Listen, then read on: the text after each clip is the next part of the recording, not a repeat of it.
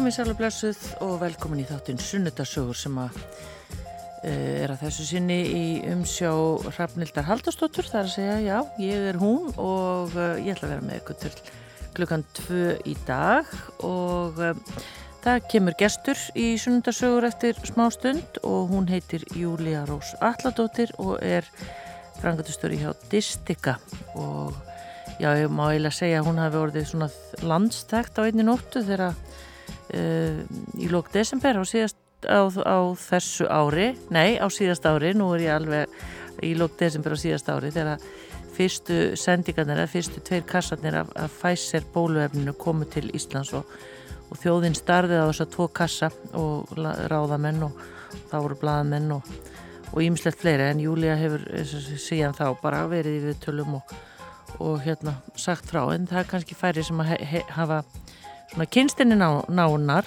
og við ætlum að gera það hér í sunnudasögundagsins.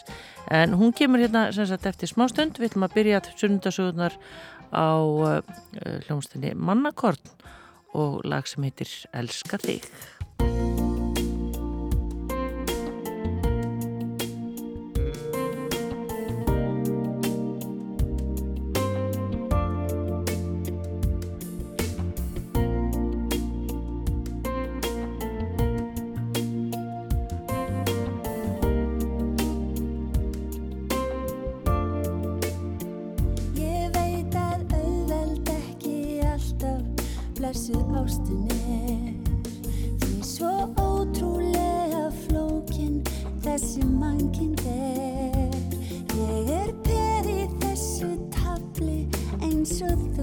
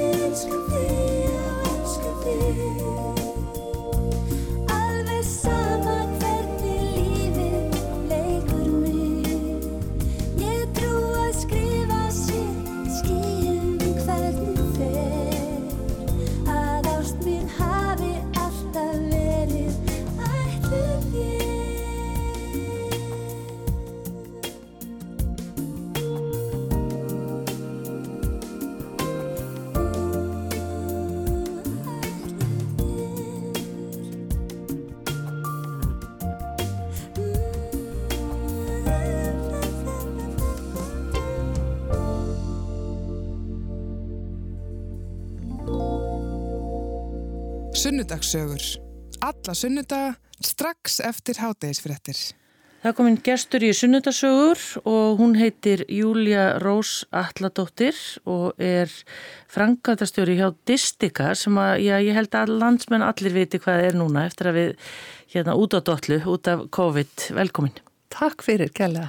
Er þetta ekki rétt um mér? Þú varst eila bara svona landsfræg á einni nóttu? Jú, þetta var eiginlega alveg ótrúlega tíma sko og hérna ég tók við þessu starfi bara í mæ á síðasta ári. Þannig að bara rétt fyrir allt þetta COVID-æventýri hérna bóluefna-æventýri og ég hafði unni í Distika í, eða hjá Verita samstæðin í tíu ár á þannig tók við þessu starfi.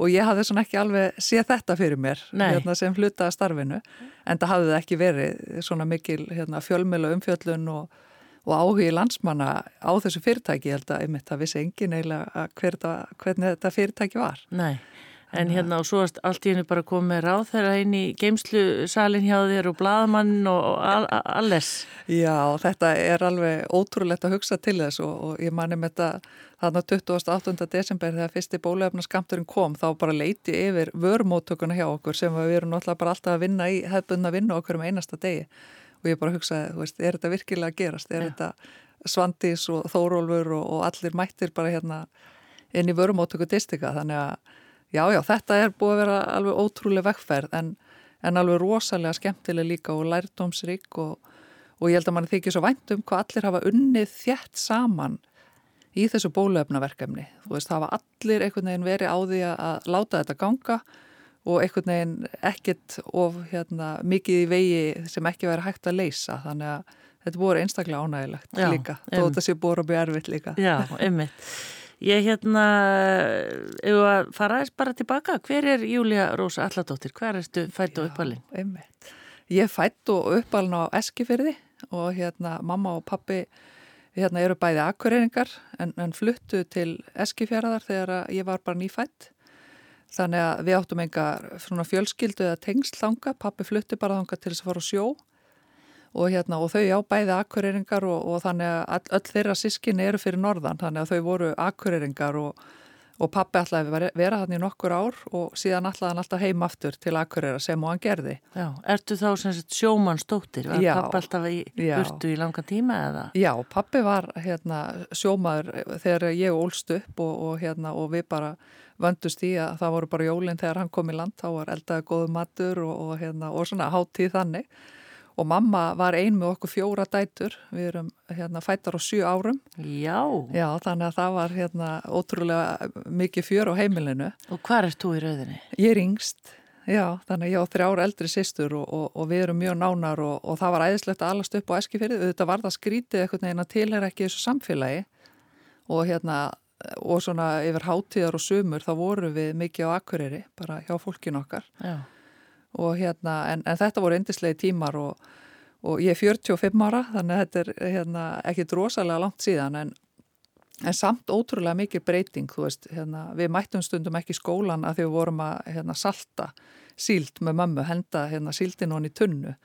Og þetta, það þótti bara eðlilegt og, og, og bara hluti að því að, að þroskast. Já sem að myndi kannski ekki í dag að, hérna, að sleppa skóla fyrir vinnu, myndi ekki gangu upp og, og við vorum bara krakkar. Já og hérna talar kona sem að eins og segir er, er ekki, er bara á besta aldri sko, Já, bara er inni ung, þetta er ótrúlega að heyra þetta. Já. En ertu þá þegar þú, þú hugsa um eskifjörð og ferðanga, þá eru þarna bara ræturna þínar? Eða hvernig upplifur Nei, það? Nei, svo sem ekki sko, hérna, þú veist, ég var þarna bara grunnskóla aldurinn og síðan flytt ég bara til Reykjavík til þess að fara í skóla. Þannig að, að það var alltaf talað um Akureyri sem bara svona heimabæin okkar. Þannig að þó ég hafa aldrei búið þar að, hérna, að þá finnst mér það svolítið vera heim. Að því að, að maður bara eittir svo miklum tímaðar, sumrum og, og hérna og ég náði einhvern veginn ekki að festa rætur hérna almennilega á eskifyrir þó að það verður mjög gott að alast þar upp þá hérna þá svona er tengingin ekki alveg þar. Hún, hún er frekar á akkurýri flott sundleg og eskifirði. Indisleg, en hún var ekki þegar ég var. Þá var bara indisundleg hérna, en hún er indisleg Já, og ég held að maður hefa alist bara svolítið upp við það að vinna hann gökar mannin ég held að bæði mamma og pappi unn allatíð mjög mikið. Og, hérna, og það var svona það vega nesti sem maður fekk frá eskifirðu og ég er mjög þakklátt fyrir það. Hérna, það bara sjávar plássa sem allt hérna, gekk út á á sjóvarafurðir og, hérna, og allir bara unnu mikið að. Hvað hérna og hvernig stelpa var Júlia? Varstu svona fjörkálfur eða? Já, ég, ég held það nú hérna, ég held það, það fór svona mikið fyrir mér og, og ég held ég hafi verið pínu svona óþólandi lillasýstir sem að vildi alltaf vera með í öllu og hérna og sýstu mín svona minna til í að, að hafa mig með en, en minningarnar eru bara, þú veist, ég var rosalega mikið mömmustelpa og hérna ég bara hekk alltaf í pilsfaldinum á henni og ef hún var ekki heima þegar ég kom heim úr skólinum þá bara lappaði ég hús úr húsi og, og leitaði af henni. Og hérna, elsku mamma er núna með Alzheimer og, og svona aðeins að hverfa henni þann sjúkdóm þannig að það er, hérna, það tekur á að, að horfa upp á það en, en hún er einstaklega lífsglöð og, og hérna, það kemur henni ansi langt. En hérna, en, en síðan bara held ég að maður hafi bara fengið frá pappa alveg rosalega mikið metnað hann hérna, var alltaf ít okkur til þess að gera betur, það var aldrei neitt nógu gott. Mm, Fari í skóla? Og, já, já, metta sig og bara ná árangri, þannig að mér varst maður fá svona, hérna, mamma var rosalega, eða rosalega góð, þannig að maður fekk það frá henni og hörkuna frá pappa, þannig að ég held að það hafi svona einkjent bara, hérna, æsku árin. Og, og móta mann, en já, já, líf og fjör og, og hérna, ég held að maður bara var alltaf út að leika sér og... Varstu íþróttakona? Já, ég var það, hérna, ég æfði sund og svo hérna æfði ég aðeins liftingar líka sem var hérna. Já, það var nú þótt ofennilegt. Já, já, það þótti það og, og hérna, ég man að ég tók þátt í, það var svona hérna keppni í sjóman á sjómanandaginn og hérna, og við vorum ekki marga stelpunar sem að, að tóku þátt en hérna, en það var mjög gaman og, og ég vann það einhver tíman og á einhverja svona stittu krafta, krafta konu stittu og hérna, jújú, jú, þú veist, það voru allir að æfa eitthvað og svo var maður stundum í fókbólta en, en það er kannski bara meira í setni tíð, ég var að klára landvættaprogrammi núna já, í sömar. Já, hérna. Já, það sem er, er, er hlaup og sund og, og gunguskýði og, og hérna og, og þannig að þetta blundar í manni en, en, en hérna, en jújú, jú, maður var í alls konar íþróttum í æsku bara já, eins og já. allir krakkarnir fyrir austan. Um. En hvað hérna þegar að þú ferði sagt, klára hérna grunnskólagöngu og var þá alveg ákveð allar að varst í mennskunum akkurir eða hvað? Nei, hérna, ég, ég fór aldrei norður. Hérna, nei, þú fórst bara beintir Reykjavíkur? Já, ég fórst Reykjavíkur, eða byrja, nei, ekki alveg.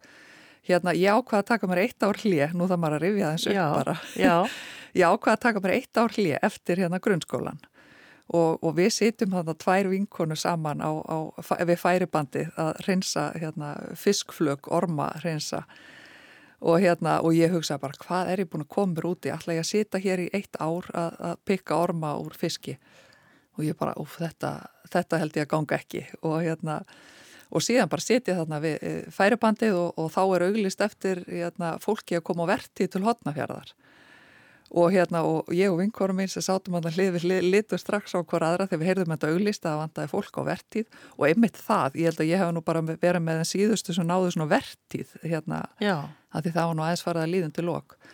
Og þannig að við ákvaðum það að fara á vertíð og á hotnafjörð þarna hösti þegar ég var 16 ára. Hugsaðir, væri það nú í dag eitthvað? Nei, og Nei, þú veist, ég bara hugsa ég á hérna 17-18 ára krakka og, og ég, þetta myndi aldrei gerast sko og ég held líka, þú veist, hérna, held að mamma og pappi hafa svo sem ekkit alveg átt að segja á því úti hvað maður var að fara en, hérna, en við bara pökkuðum þannig niður og, og fórum á vertíð á hotnafjörð og þetta var bara, þú veist, við byggum bara þannig á verbúð og hérna, þetta var bara algjört verbúða líf sem maður fekk insýn í þarna. Var nokkuð buppið þarna, ég hef svo oft heilt hann segja frá hotnafyrði. Já, og hann var líka mikið á eskifyrði. Hérna, en ég held að þetta verbúða líf hafi verið búið hjá honum á, á þessum tíma býtu, ég fætt 76 þannig að þetta er svona já. 91 já, já, já og hérna, en þetta var samt bara þannig, þú veist, vextjórnir voru að mæta þannig á mótnana til þess að ná fólki í vinnu og það var bara drukki öll kvöld og, og hérna, og alls konar í gangi þannig. Já, hérna. Þetta var ótrúlega gaman að upplifa þetta. En pössuðu þið ykkur á öllum hættum já, heimsins? Já,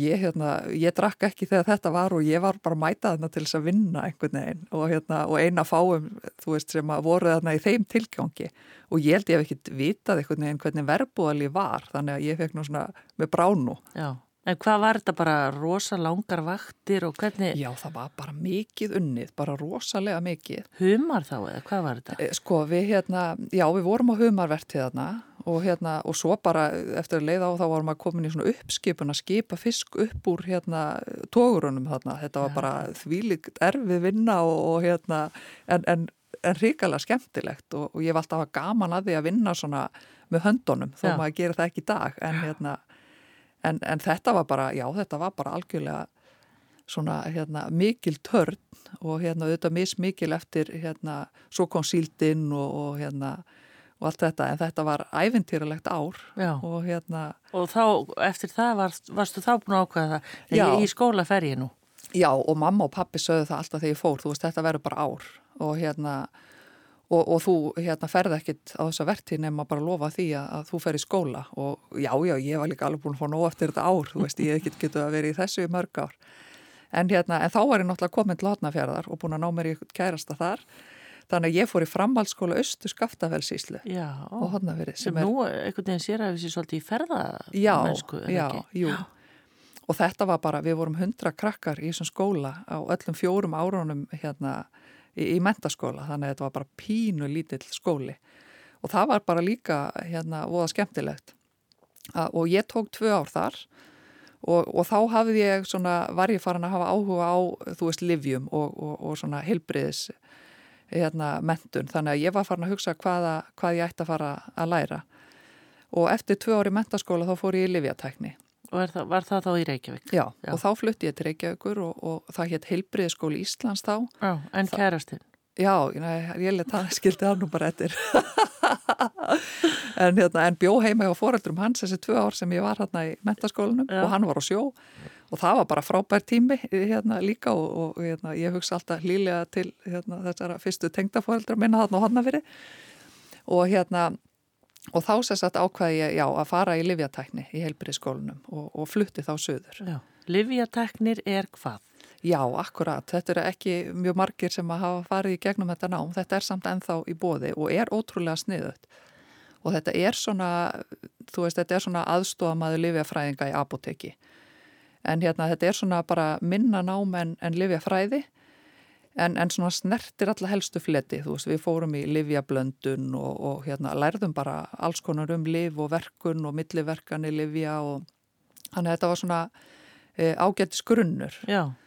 og hérna, og það, eftir þessi tvö ár í mentaskóla þá voru þetta bara tvö ár í þessu námi, þannig að þetta var svona, maður útskrifast sem livjatæknir e, sem var svona jafngildi stúdensprófi. Já, já, emmitt. Og þá fórstu bara að vinna í apotekki eða hvað? Nei, þá hérna, þú veist, svo fór maður að hugsa hvað hérna, og ég var búin að vera að vinna í apoteki ég fór austur á sömurinn stundum og vann og ég var líka búin að vinna í apoteki í kringlunni og, og hafði bara mjög gaman að því. Og það var gott að fá insýn inn í, í, hérna, í þann heim vegna þess að nú er náttúrulega aðal hlutverk mitt að, að þjónusta viðskiptavinnu og það eru apotekin hérna, stór þáttur.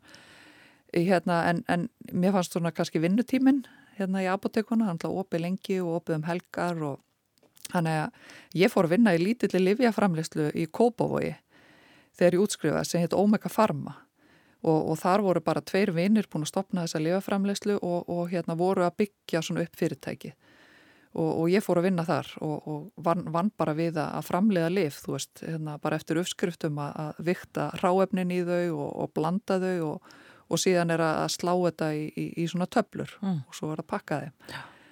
Þannig að ég var þar bara í, í nokkur ár og, og þetta var bara svona eins og lítil fjölskylda þarna og ég fann það alveg að þetta átti svakalega vel við mig. Ég, hérna, ég var alveg komin heim þarna. Já.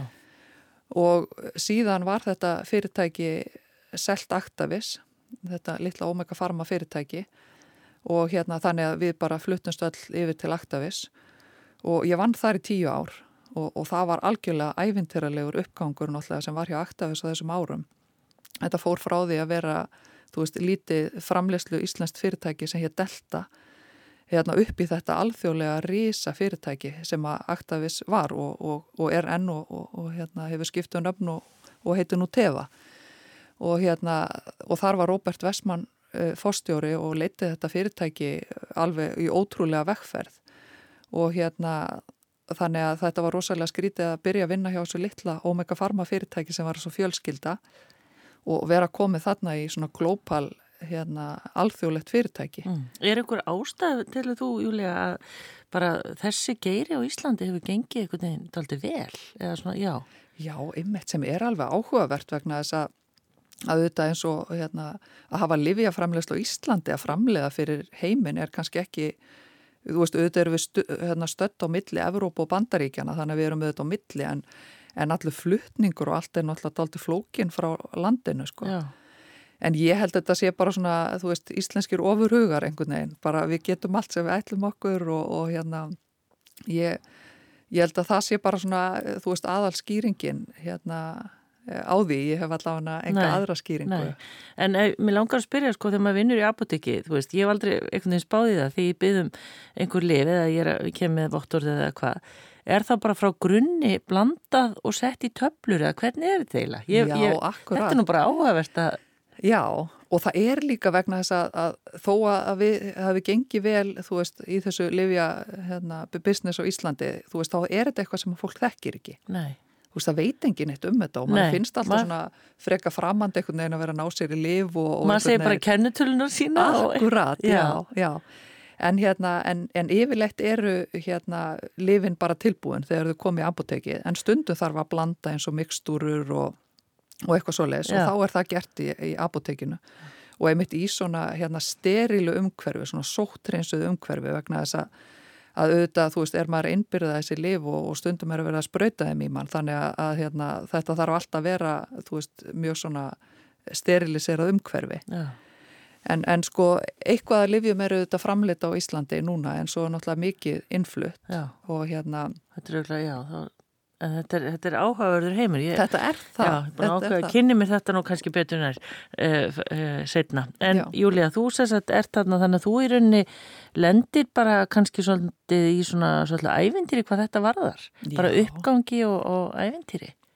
Ég gerði það bara og hérna og þegar ég byrja hjá Aktavis þá hérna, þú veist, er ég náttúrulega og bara hjá Omega Pharma Eh, þú veist, bara krakki og ég, eina námi sem ég er búin með er þetta, þú veist, tvö ár í mentaskóla og tvö ár lifa, sem lifateknir og hérna, og ég bara byrjaði hérna hjá Omega Pharma og ég flist yfir til Actavis hérna, þá er með bóðin staða sem var svona verkefnastjóra staða og þá var ég yfir, þú veist, svona verkefnateimi sem að var að þróa lið og ég bara eitthvað, ha, þú veist, á ég að fara að gera þetta og hérna, og þú veist, já, ekki orðin þrítug og, og með þessa litlu mentun og í svona verkefna teimi fyrir það að hérna, þróa nýtt samhættarleif eins og við vorum að gera hjá Actavis, þú veist, þá eru svona sjö sérfræðinga saman í þessu verkefna teimi og það er, fyrst er svona livjafræðingu, svona formulator sem að er bara að finna upp uppskrifta liv, livinu og hérna, og, og síðan er, þú veist, ráefna sérfræðingu sem er að finna ráefni, þú veist,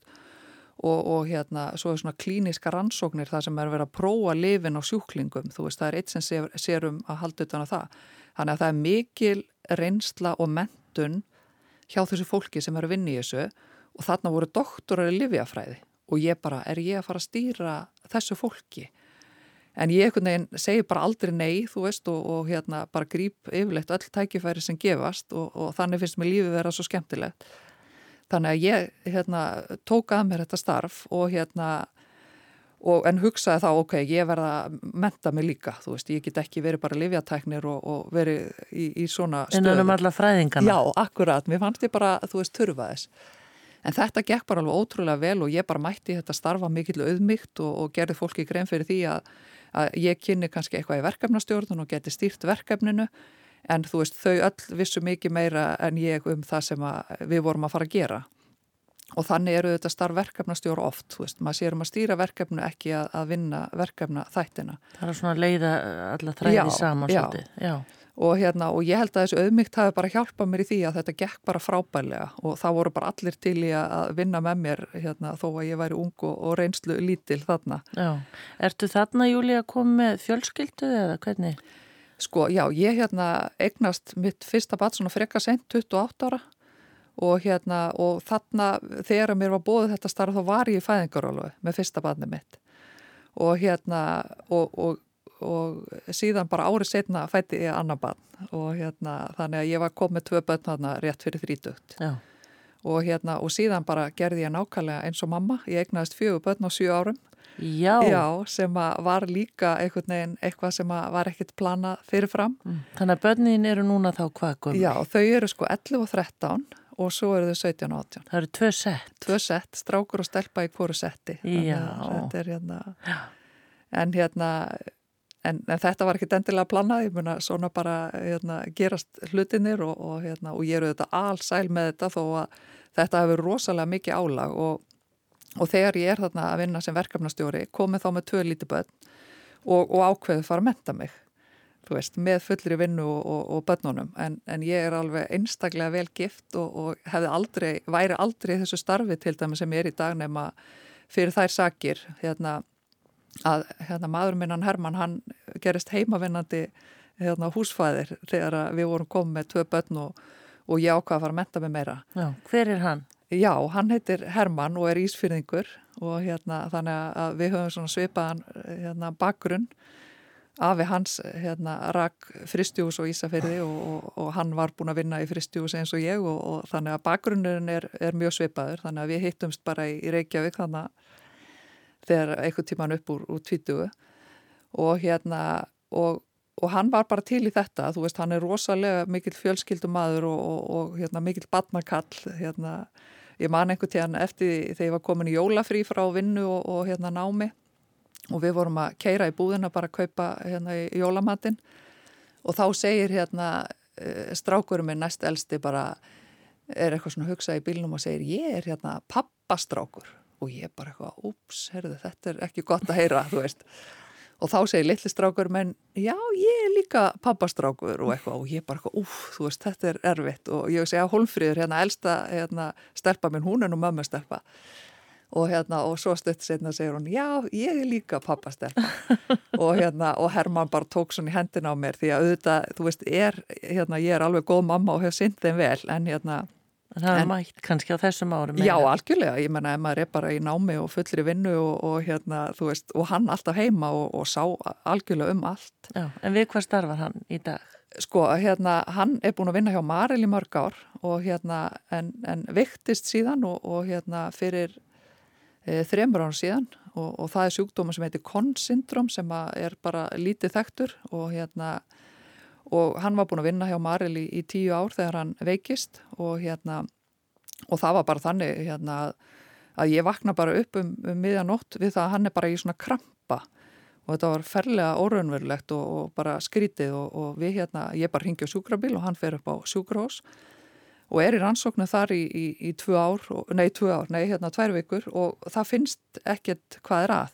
Þannig að hann er bara sendur heim og, og hérna og það er bara haldið að þetta sé eitthvað tilfallandi en síðan gerist þetta aftur bara stuttu síðar og þá er ég út í Mílano í vinnuferð og, hérna, og þá bara ringir dóttur mín og segir bara þú veist pappir aftur og hann veikur og, og var í svona krampa og, og meðutundalös og það var ræðilegt símtal að fá hérna, og ég er bara stött hann í neðar, ég er að lesta á leiðin á ráðstefnu út í Mílano hérna, fyrir þessum þreymur ára síðan. Og hérna og ég, ég segi bara við hann að þú verður að ringja strax á sjúkrabíl og hún gerir það og hérna og síðan ætla ég að ringja líka í 112 en, en hérna náðu ekki sambandi þú veist úr þessari lest og eitthvað þannig að þetta var bara mjög erfiðu tími. En, en síðan bara löðust allir og eitt og ég flög heim og, og þá verður þetta frábært að vera komin heim til hans. Og hérna og mikið fyrir krakkana gangi gegnum en, en hins vegar líka bara þroskar þetta þau þú veist hérna og, og þau vita alveg hvernig á að bregðast við ef eitthvað er með, með pappa þeirra en hans er satt og þá kemur í ljós hvað þetta er og hérna og, og hann er svona bara síðustu ár, síðustu þrjú árin þá er bara búið að vera reyna að stilla þetta er ekki, það er ekki hægt að lækna þetta. Lýsir þetta sér svona? Þetta Já, það er sem sagt það sem gerist, þetta er hérna axli á nýrtna hettunum Já. og nýrtna hettuna sjáum alls konar framleyslu og hormónum og, og slíkt og, og ef að það kemst ójabægi á hérna hormónu og svona, þá fer eiginlega bara öll starfsemi í ruggl og það sem að gerist hjá honum er að aldosteroni fer bara mjög hátt. Og ef aldosterona fyrir upp þá hérna skólast allt kaljum ekki kalsjum heldur kaljum út úr hérna líkamannu og ef við höfum ekki kaljum þá bara virka vöðvarnir okkar ekki og, og, og þar með ekki hjarta. Þannig að hjarta bara, þú veist, hættir að slá. Þannig að það er, þú veist, að, þannig að þetta er lífsættilegu sjúkdómur.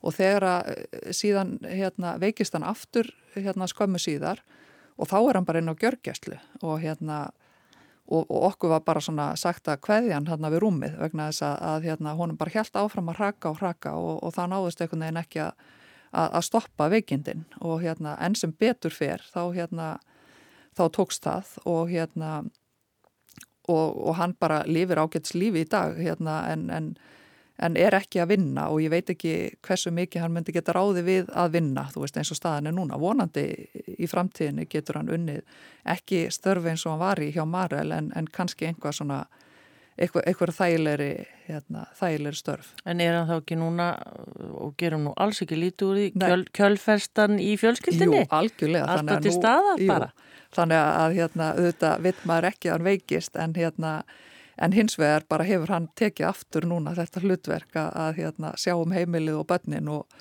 og ég er náttúrulega bara alveg endalus þakklátt fyrir það og, hérna, og, og hef þá eins og þetta síðasta ár bara algjörlega fengið að einbeita mér að því að, að hérna, vinna þetta bóluöfna verkefnu og taka við þessu fyrirtæki og og það er búið að vera algjörlega frábært, algjör dröymur. Já, en þessi eins og nefndir aðan, þessi frítímiðin og þessi áhuga á bara eins og þetta landvættin sem er nú, er það bara fyrir þig Júlia bara svona til þess að einhvern veginn að tappa af? Já, ég, hérna, ég hef verið hérna, mikið á fjöllum, ég hef bara, ég elska fjallgöngur, með stað einhvern veginn þá nær maður einhver svona markmiði, nær á toppin og hérna og ég er búin að, þú veist, lappa á Kvanadalsnjúk og ég er búin að lappa laugavinn og Fimmverðháls og, og hérna og bara fullt af fjöllum, ég var með það markmið hérna að fara á 150 fjöll á ári, þú veist, ekki, ekki hérna bara á topp. Ég segi bara vá! Já, það er mjög mikið, en ég er nú líka svona freka mannisk að við tegum mér eitthvað fyrir hendur En, hérna, en það er algjörlega það sem ég hef gert til þess að, hérna, þú veist, að halda mér svona réttu megin við línuna. Já,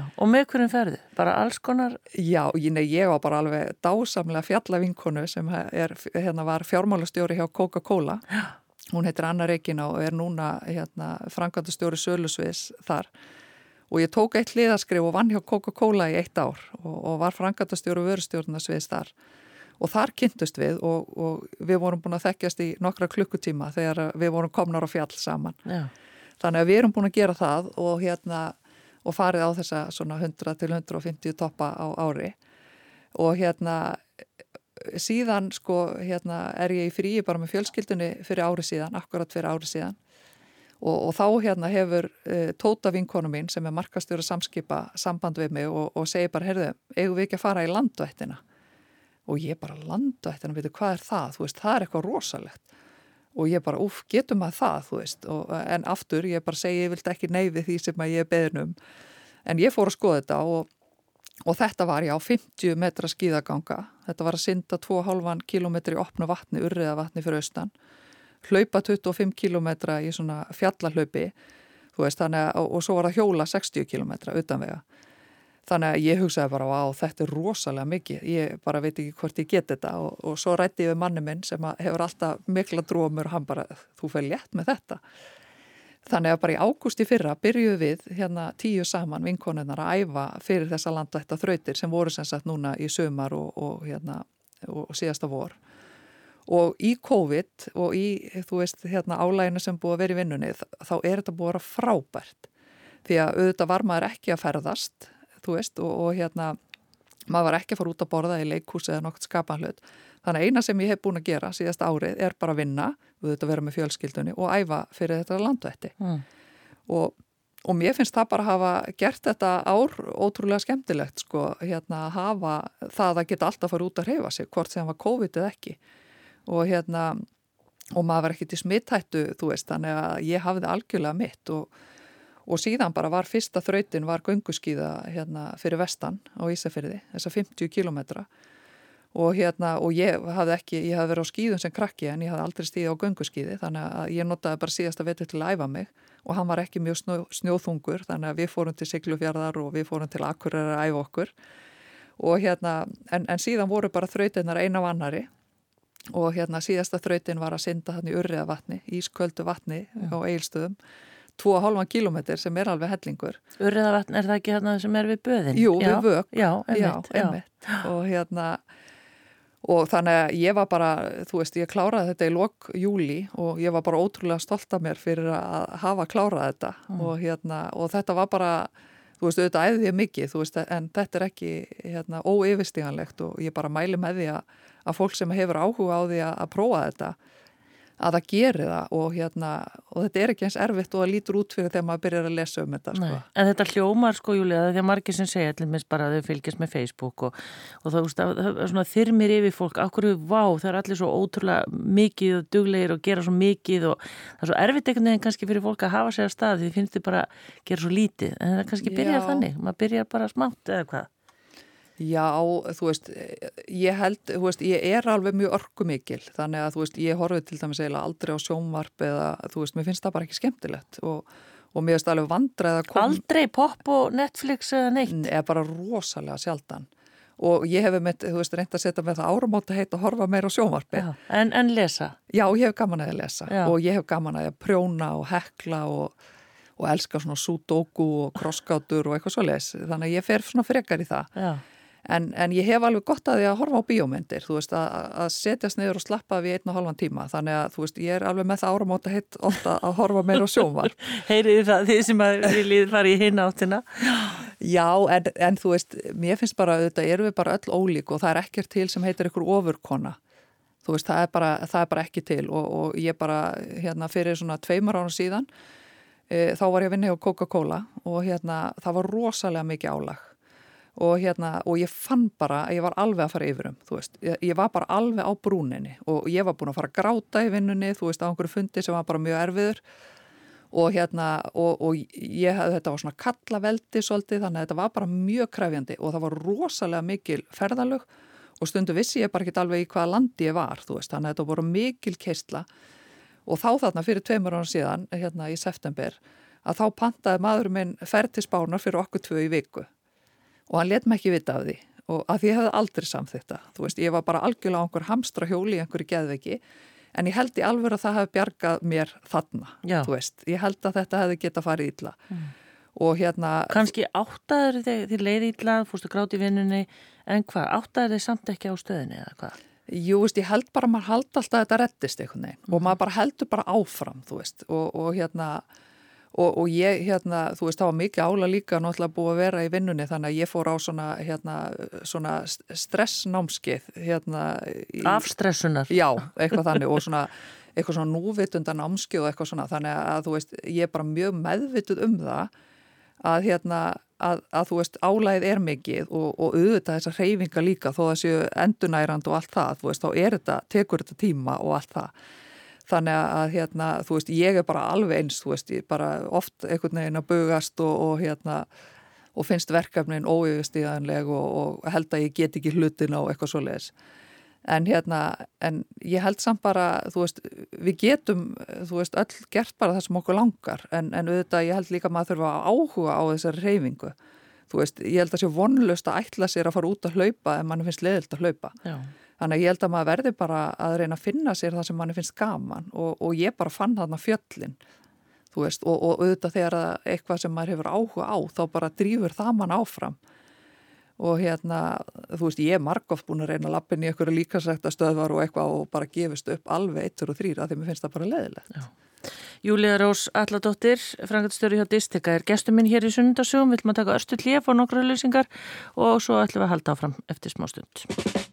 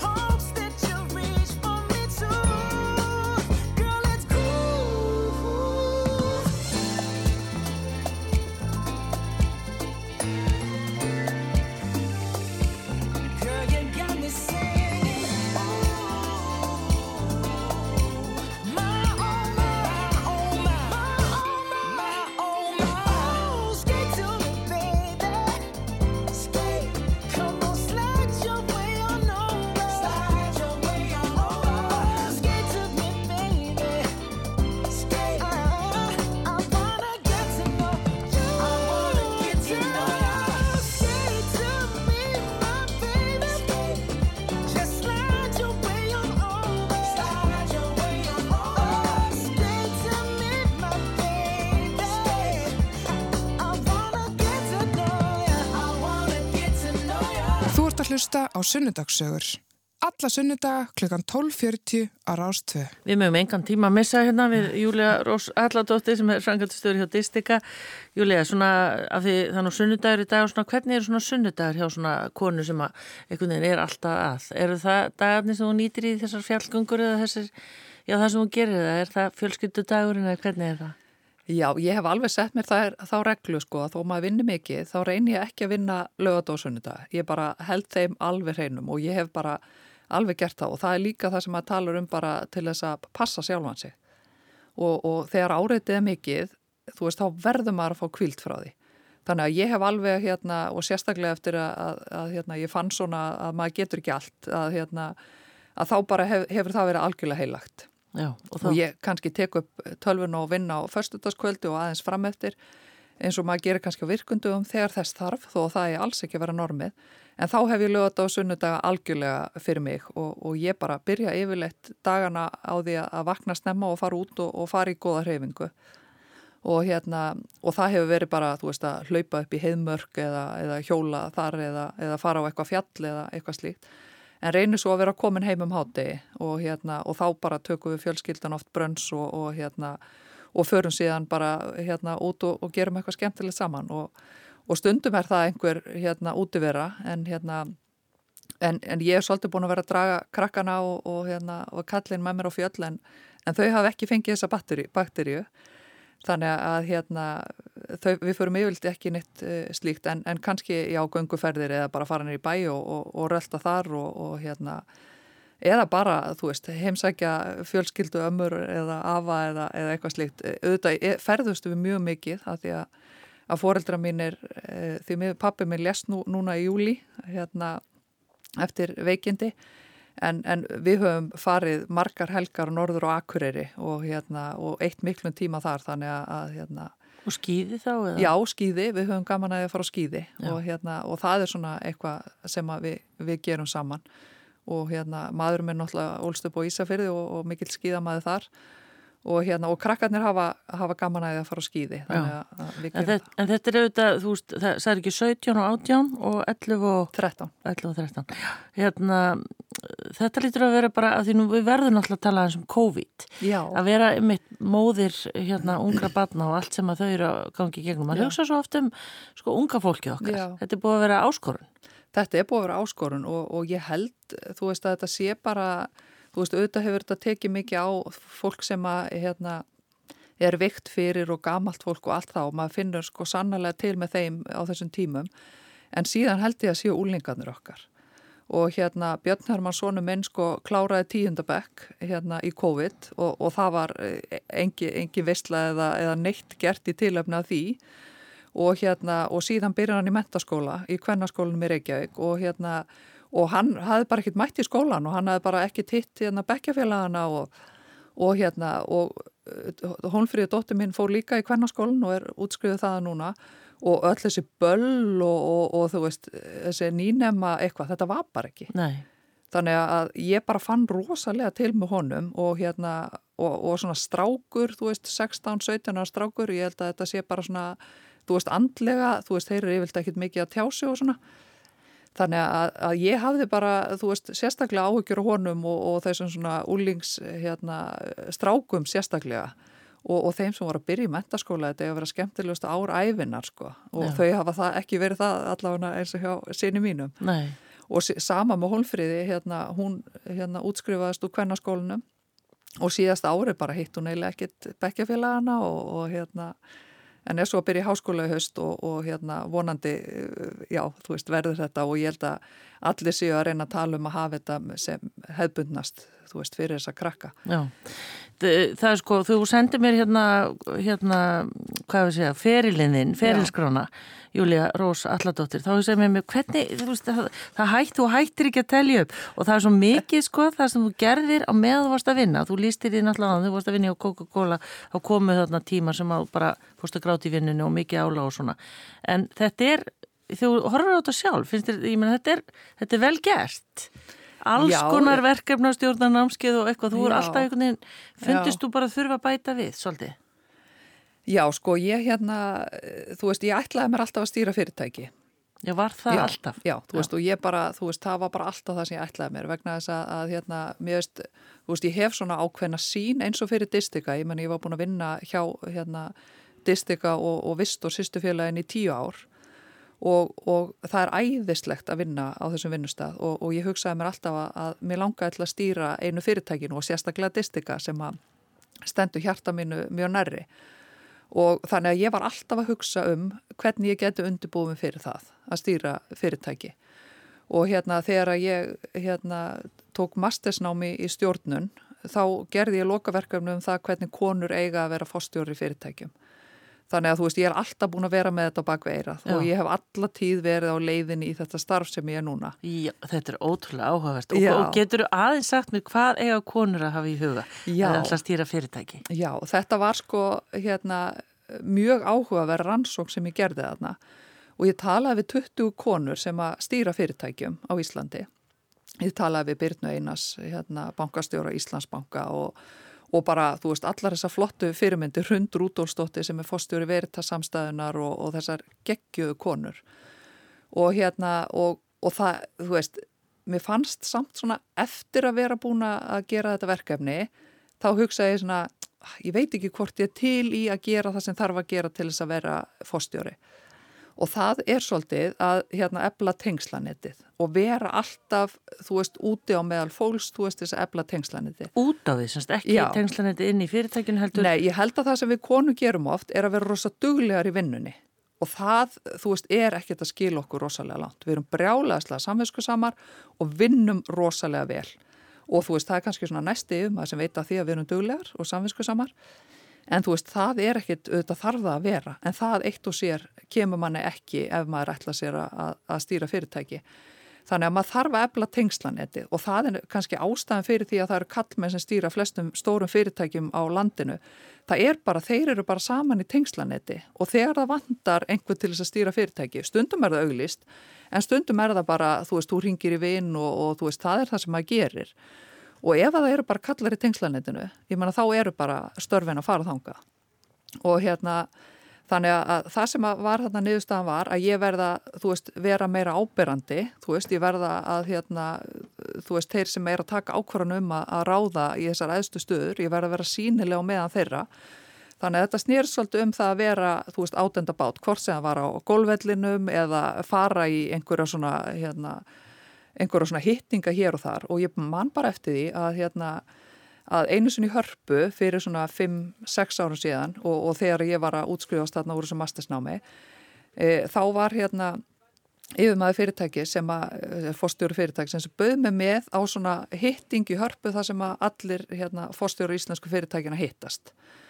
Og hérna og ég bara vá já, heyrðu þarna tækifæri fyrir mig að reyna að mingla og, og hérna láta sjá mig og svona og við höfum haft þá hefð hérna frá því að börnun okkar fættust að við bökum saman pizza á förstaskvöldum og það er algjörlega heilagt og hérna og við vorum ofta að ræða sko ég og maður minna pizzan fer nú ekkit vel í okkur og hvort að mætti hættis og ég bara nei það er ekki séns. Þú veist ef þau fá ekki förstaspizzuna sína þá bara held ég að lífi hrinni Þannig að þetta voru förstaskvöldi sem ég mæti þannig hörpu. Og, hérna, og er þarna að mingla, þú veist, og reyna að hérna, vinna í því að vera, vera sínileg og þetta var svo ógæðslega leðilegt og ég stóð hann í hörpu, búin að tala við einhver að kalla, þú veist, í einhverju svona tjatti. Og ég bara hugsa, akkur er ég ekki heima að baka pitsu með krökkunum? Og ég fór, þú veist, og ég hugsaði bara, ok, ef að ég þarf að fara að gefa meira af mínu frítíma í svona hittinga, þá ætla ég bara að sleppa þessu, þú veist, vegna sem ég er alveg til í að vinna á vinnutíma og ég er til í að taka tarnir og vinna ekstra, en svona, þú veist, kvöldin og helgarnar og eitthvað, ég er til í það með fjölskyldinni, sko. Já. En, en var það í rauninni, þú veist, ert að segja þá að það sé kaldurinn samt að gera þetta sem að kallandi gera það, hvað? Já, veistu, ég held það, ég held að við konur, þú veist, við erum bara rosalega duglegar og samvinsku saman eins og ég sagði, en við erum ekkit rosalega mikið að, að, að bera okkur, þú veist, fram, þú veist, og auglýsa hvað við erum duglegar og hvað við erum að gera, marka setja okkur. Þú veist, kallandir eru bara miklu betri því en við, þú veist, auðvitað er ekki þetta alhefa kallar og konur En þú veist, mér stil dæmis bara við erum eh, oft svo rosalega nákvæmnar með að þeir svona bara kasta svolítið til hendinu og við þurfum alveg að læra það líka. Vegna þess að eins og bara þegar maður stýrir hérna svona fyrirtæki eins og ég í dag, þú veist, ég get ekki gert allt 100%, það er bara ekki séns. Og við þurfum bara svolítið að læra það. En hvernig eflur þá tengslanetið ef þú ferð ekki út á förstaskvöldi og sleppi pitchunni með Sko það sem að ég bara ákvað þarna, þú veist að ég var bara komin inn í frábært fyrirtæki sem er verið það samstæðan og það samastendur af, af nokkru sýstu félögum sem eru öll í svona heilbriðis hérna sviði. Og ég ákvað það bara, ok, þú veist hér ætla ég bara að vinna. Og hérna og ég hugsaði bara að ég ætla ekki að fara að vinna efla tengsla neitt út á við, mér bara langaði ekki. Og hérna þannig að ég ætla að vera dugleg hérna innan fyrirtækisins að marka setja mig Og það sem ég fór að gera var að, reyna að taka að með verkefni sem voru þvert á fyrirtækið. Þannig að þó að ég hafi verið að vinna í Distika, þá hérna, fekk ég stundum að vinna nái með hund sem var fórstjóru samstæðunar allra og svo þeirra sem voru frangandastjóra félagana. Þannig að þú veist, ég gerði mig svona, þú veist, ég fór bara að vinna í markasendingu innan fyrirtækja samstæðunar, frekar en að gera það út á því og hugsa já. þá bara að ég ætla að ná árangri þarna og hérna og Hreggviður Jónsson sem á hérna verita samstæðuna er algjörlega frábær og, og þarna hafði ég fyrirmyndir eins og Hreggvið og Hrund og, og Frankvæntastjóra félagan og ég hugsaði bara já, þú veist ég ætla bara að læra af þeim. Og það er oft sagt að maður er að ganga í skónum á þeim sem að við ætlum að, eða spórunum þeim sem maður ætlar að taka við það.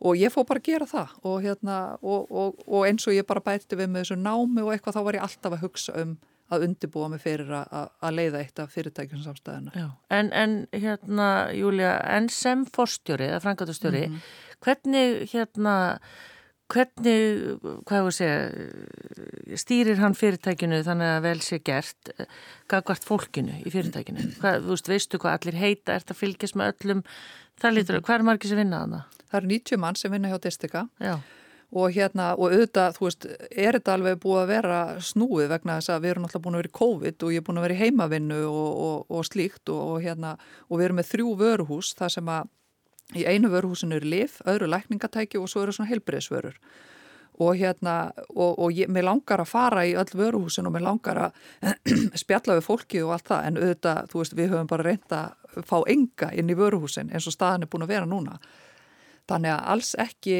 þú veist, hef ég uh, gert nógu mikið að því. Hérna, ég er með starfsmannafundi annarkvöld förstu dag, þar sem allir starfsmenninni koma saman á fund og þar sem við förum bara yfir, þú veist, hvernig gengur hjá okkur. Hvernig gengur. gerir það þá? Teams? Eða? Já, og það er búið að vera á Teams núna. Og allir verða að vera í mynd? Eða hvað? Nei, þú veist, og, og eins og í vörhúsunni þá eru stundu bara allir sem sitta saman inn á kaffestofu og horfa á, á skjá, sko. Já en, hérna, en við, við höfum náð einum fundi þar sem allir voru í húsi og það var í vor þegar hérna, það var svona búið að bólusetja og, og hérna, þá náðum við einum góðu fundi þar sem við hittumst öll.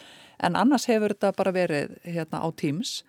En ég held að það sé bara mjög mikilvægt og, og ég menna þó að maður stýri fyrirtækinu að þá er maður svo, og það er engin klísja, maður er svo innilega ekki, þú veist, aðalmanneskjan, þú veist, hérna Og, og hjá mér þá eru við bara fimm saman í, í frangatastjórn distika þar sem við vinnum öll saman að því að, að reka þetta fyrirtæki.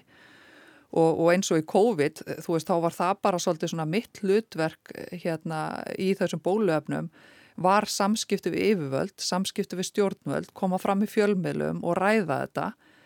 En hérna en og þannig að þungin var svolítið á mér hérna í upphafi En þegar bólefna dreifingin hófst, ég menna þá var bara þungin á, á byrgi hérna deltasjóru vöruhúsana sem að þurfti að taka saman öll þessi bólefni og hérna, taka þau til landsins og, og, og hérna, taka þau saman og dreifa þeim.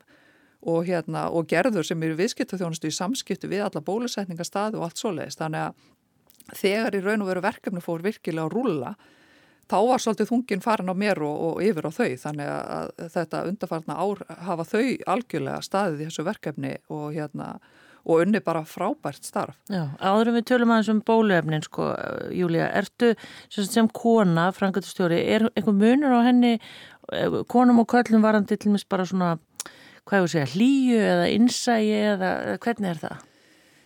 Já, hérna, þú veist, við erum bara ólík, þú veist, og hérna Og, og við höfum bara okkar kosti og galla, þú veist, og kallar ekkit verri en konur eða konur verri eða eitthvað svona, við erum bara ólík og hérna, og ég til dæmis sko, hérna, eh, hef talað við sko, þú veist, það er til dæmis einn maður sem að vinna með mér og, og hérna, samstarfsfélagi hans til margra ára viktist og ég fór að spurja út í þetta og ég bara, heyrðu, þú veist, og hvað, hvað á hann að bönnum og þú veist, hvað, og hann bara eitthvað, ég bara veit það ekki. Og þú veist, þetta er bara, þú veist, áhuga sem kalla, þú veist, er ekkit endilega það að vita hvað þú átt mikið að bönnum eða hvað konaðin gerir eða eitthvað svoleiðis. Þannig að þú veist, það er ekkit endilega eitthvað verra en, en þú veist, ég er algjörlega þannig, ég er brjálaðislega áhuga fólki og hérna, og ég vil alltaf vita bara allt um hérna fólkið sem ég vinn með og hérna, og mann það yfirleitt, þú veist, bara því ég hef áhuga fólki. En hérna, en ég menna, svo getur komið að því ásreikningar sem að kannski, hérna, eins og fjármálistjórun okkar getur þulið upp sko að hugsa svo um, en ég bara mann það ekki neitt sko, Nei. ég mann hvað börn einhver seita, þú veist. En ef einhver fyrir að gráta í vinnu hjá þér, hvað gerur þú þá? Já, ég bara stundu græt með þeim sko, hérna, ég er alveg hérna, grátgjörð þannig og ég með þykir bara rosalega væntu fólki sem ég vinn með og, og þegar þau eru að gangi gegnum erfileika, þú veist, sem hefur bara alveg verið eins og á þessum árum og ég menna, ég hef bara verið með starfsfólk grátandi inni hjá mér, þú veist, þá finnst mér það bara erfitt, þú veist, og ég bara tárast með því og, og hérna, og, og við höfum verið að missa fólki veikindafrí, þú veist, út af þú veist, álægi bæði í vinnu og heimafyrir og, og þú veist, þetta bara allt tekur á, þú veist, þetta er bara, þú veist, erfitt og, og maður vill bara öllum líð vel í, í kringum sig og, og hérna, þannig að ég auðvitað bara reyni, þú veist, alltaf að sína skilning og hérna, og það sem skiptir náttúrulega mest að máli er að fólki líði vel og hérna, og ég er bara til í að gera allt sem að til þar til þess að fólk líði vel, en auðvitað, þú veist, ég er líka alveg kröfuhörð og vill árangur og allt það, sko. Já, en Júlia, Uh, tölum aðeins um bóluöfnin eru þið, distika, eru þið að flytja öll bóluöfnin Já. sem við erum að nota Já, við erum að og eru þið, eru þið að blanda þetta hvernig, hvernig kemur þetta til ykkar? Nei, sko, hérna, og þetta er alveg svolítið öðruvísi með þessu bóluöfni vegna þess að ofta er það bara við sem að gerum samningu erlenda byrkja, þú veist, um bóluöfni eða, eða lifið eitthvað og sjáum með flutning til landsins Í þessu tilfelli þá er það heilbreyðisraðuneytu og sóttvarnaleknir sem er búið að gera samninga við e, livjaframlegendur um kaupa á þessum bólöfnum.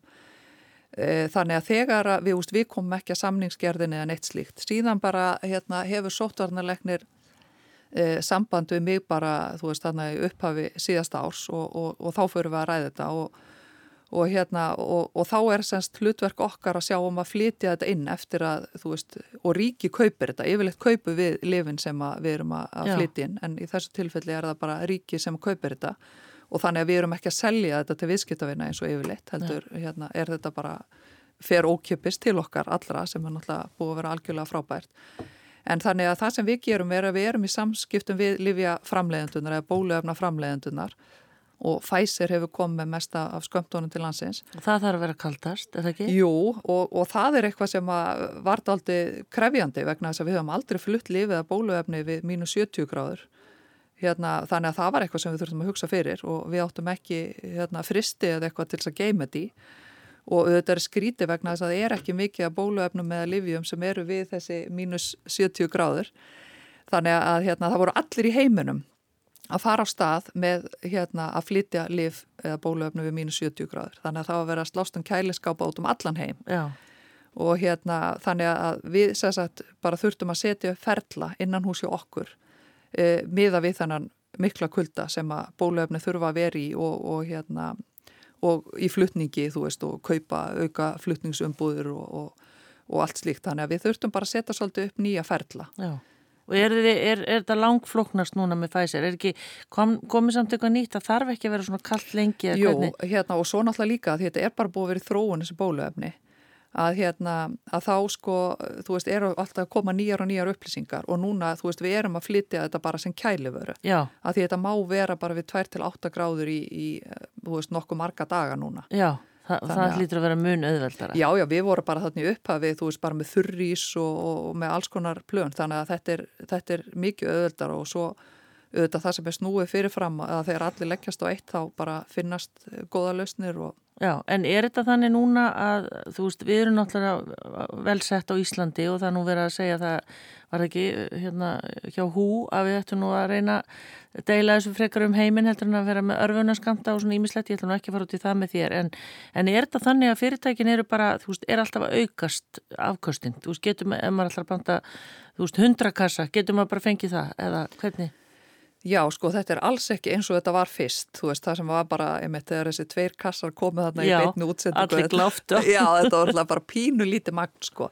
en þú veist, við erum samt alveg ennþá á þeim staða að hérna, þú veist það, það, það flýtur ekki allt í bóluöfnum veist, hérna, við erum ennþá að fá svona frekar litla skamta en hérna, en auðvitað bara, þú veist við höfum verið alveg í frábærum aðstæðum hér og, og að vera búin að bólusetja ef 90% þjóðarinn er náttúrulega algjörlega frábært Já En þannig að nei, ég held að, þú veist, við erum ekki komin á þann stað að, að það sé framlegslu getan sé bara eins og við þurfum hana. Nei, en hún mun aukast og er að aukast. Man fylgist með fréttum og það er verið að byggja heilu versmiðnar að bæta við og svona. Já. Ertu jákvæðið eitthvað þessu öllu? Já, bara ég er það sko og hérna, og, og þetta við vitum ekki hvað framtíðin byrja skautið sér. Ég menna, þurfum við að fara að bólusitt á hverju ári, þú veist, örfunaskamta, það getur bara alveg verið. Mm -hmm. Þannig að það er náttúrulega bara frábært að sé vera að bregðast við því og, og byggja þessa vesmiðu til þess að auka framlegslu getuna. Já, en þannig að, og Júlia, þú hefur ekkert verið þér, hefur ekkert verið bóðið ofnbæra heimsóng til í Pfizer eða, eða Moderna eða þessa vesmiðu, þú ertu bara í sambandi við, Já, nei. Hvernig er þeim samskiptum háttað? Sko, það er náttúrulega, þú veist, við erum bara hérna á, á símafundum, bara á Teams með þeim öllum og það eru bara allir í heimavinnu það núti, þannig að það er engin að ferðast eða, eða gera neitt en En í gegnum tíðuna, þú veist, höfum við náttúrulega bara ferðast töluvert til þess að ebla samskiptin við þessa livjabyrkja um allan heim. Mm -hmm. og það eru þetta þannig að, þú veist, Ísland er pínu lítill markaður. Og hérna, og það er, þú veist, svo mikilvægt að við fáum til okkar ný liv og við fáum, þú veist, hérna, bestu lifin og við, þú veist, það hefur auðvitað verið rætt um livjaskort og annað, þú veist, þannig að við bara erum alla daga að vinna því að tryggja bara livjabyrðir í landinu og, hérna, og, og við eflum tengslinn með því að fara í heimsóknir og, og allt slíkt bara og vera alltaf að minna á Ísland vegna þess þarf þegar þú ert svona lítill markaður. Já, en nærðu því í, til dæmis núna að halda svona samböndunum gangandi í Teams að því að stundum við tala að það er áskorun, eitthvað neginn? Jú, það er alveg áskorun og mér veist að þú veist alveg ganga í einhver tíma En, en þú veist, svo verða hérna, eh, starfsmanna skipti, veist, og þá auðvitað vil, vil maður hitta fólk í eigin personu bara til þess að stippla sig hérna vel inn. Og hérna, þú veist, en, en ég held þetta, þú veist, þetta gengur alveg svona en, og ég held alveg að við getum ferðast mun minna en við gerðum. Og, og ég held að það sé eitt af því sem, hérna, jákvæða sem kemur út úr COVID að, hérna, að maður þarf kannski ekki eins mikið að vera á ferðinu og núna bara þegar allir kunna á, þú veist, eins og Teams og, og svona veffundi, þú veist, þá bara held ég að í framtíðinu verða það mikið meira að nota. Já, en segir Júlia Rósa Alladóttir stundum mikið askot er í hún leið á þessu? Er það Nei. eitthvað sem að... Nei, þá var fyrsti vinnudagur minni gæri eftir sumafrí og hérna, og, og ég hugsaði þegar ég bara settist niður og, og byrjaði að vinna, ég á bara eitthvað yes, þú veist, þetta er frábært, ég vil hérna hlakka mig, það má ekki blóta, já, en ég bara váka ég hlakka til að, að hérna, að byrja bara að tækla allt eftir sumafríð og síðan kemur höstu og höstu er yfirleitt tungt, nú fara flensubóluefnin að koma og En hvernig sér þetta fyrir þér? Ég meina, þú ert auðvitað ekkert læknir og getur ekkert spáð, en hvaða tilfinningu hefur, hefur þú? Heldur þú barna uh, bara heldur að við náum að halda þessu einhvern veginn svolítið svona eins eðlilega og hægt er eða hvað? Já, ég held að við séum bara svolítið núna í því ástandi sem við verðum. Hérna, ég þóru nú ekki að segja einhver ár fram í tíman, sko, en hérna, en ég held, þú veist, auðvitað bóluefnin, þú veist, veita góða vörn og þau koma í veg fyrir að við veikjumst alvarlega í flestum tilfellum sem er náttúrulega algjörlega frábært, þannig að við ættum að geta andað þessu rólera en, hérna, en, en við getum ekki hérna, sleft veirunni lausri, þú veist, ég menna bara veist eins og hérna, gjörgæslun er búin að vera og við erum búin að vera að senda fólk norður á akkuriri að því gjörgæslun er full, þannig að ég held að það sem við verðum að passa er að vera með þannig takmarkanir að, að gjörgæslan sé ekki yfirfull. Vegna þess að, þú veist, við sáum alveg fréttum þegar að gjörgæslur eins og í Svíþjóð yfirfylltust og hugsaður ef maður fengi COVID og þurfti að fara að gjörgæslu og væri bara ekki pláss fyrir hann það er að versta sem getur Já, þannig ég held við verðum að vera í einhverjum svona takmörkunum og það er bara þannig að, að, að þeir sem hafa fengið COVID það er eiginlega besta vörninn þannig að nú erum maður svolítið farin að hugsa þú veist að, að kannski væri bara þú veist ágætt fyrir mig sem að hérna, hrausta mannesku sem er ekki með undirlegjandi sjúkdóma að fá þessa veiru vegna þess að ég held að þú veist við munum á endanum öll fá hana. Mm -hmm. En ef við erum bara vel bólusett, þá munum við ekki finna mikið fyrir hennu og hún mun ekki hafa langvarandi áhrif á okkur. Einmitt. Þannig hugsar Júlíða Rós alltaf dóttir þetta. Já. En allavega, við látum staðanum í hér. Takk fyrir að koma í sundarsögur og gangi þér vel og eins og hérna, Já, er eitthvað fjall uh, um helgina, það er nú bara, já, ertu búin að nýkomin úr, sumafrí í vinnuna eða ertu bara svona róli fyrstu dagana? Nei, nei, ég, hérna, ég veit ekki hvort ég á að segja hvað ég gerði í gær sko, en, hérna, en já, ég kom heim hérna á miðugtaskvöldi og, og ég fóð bæði búrfelski á Ulfarsvell í gær, ég er, ég er að segja að maður er náttúrulega hálf manneskur.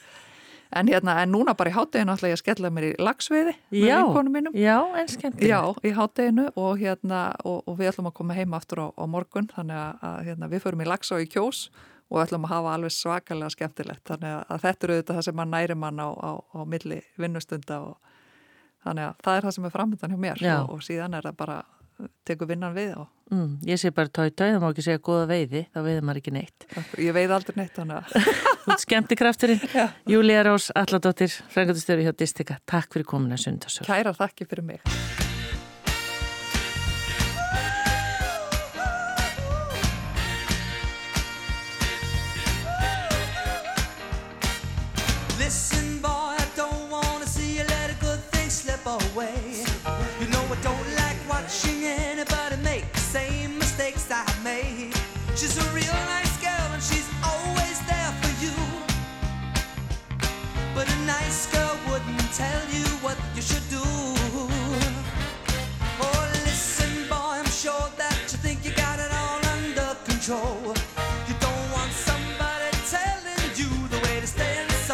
soul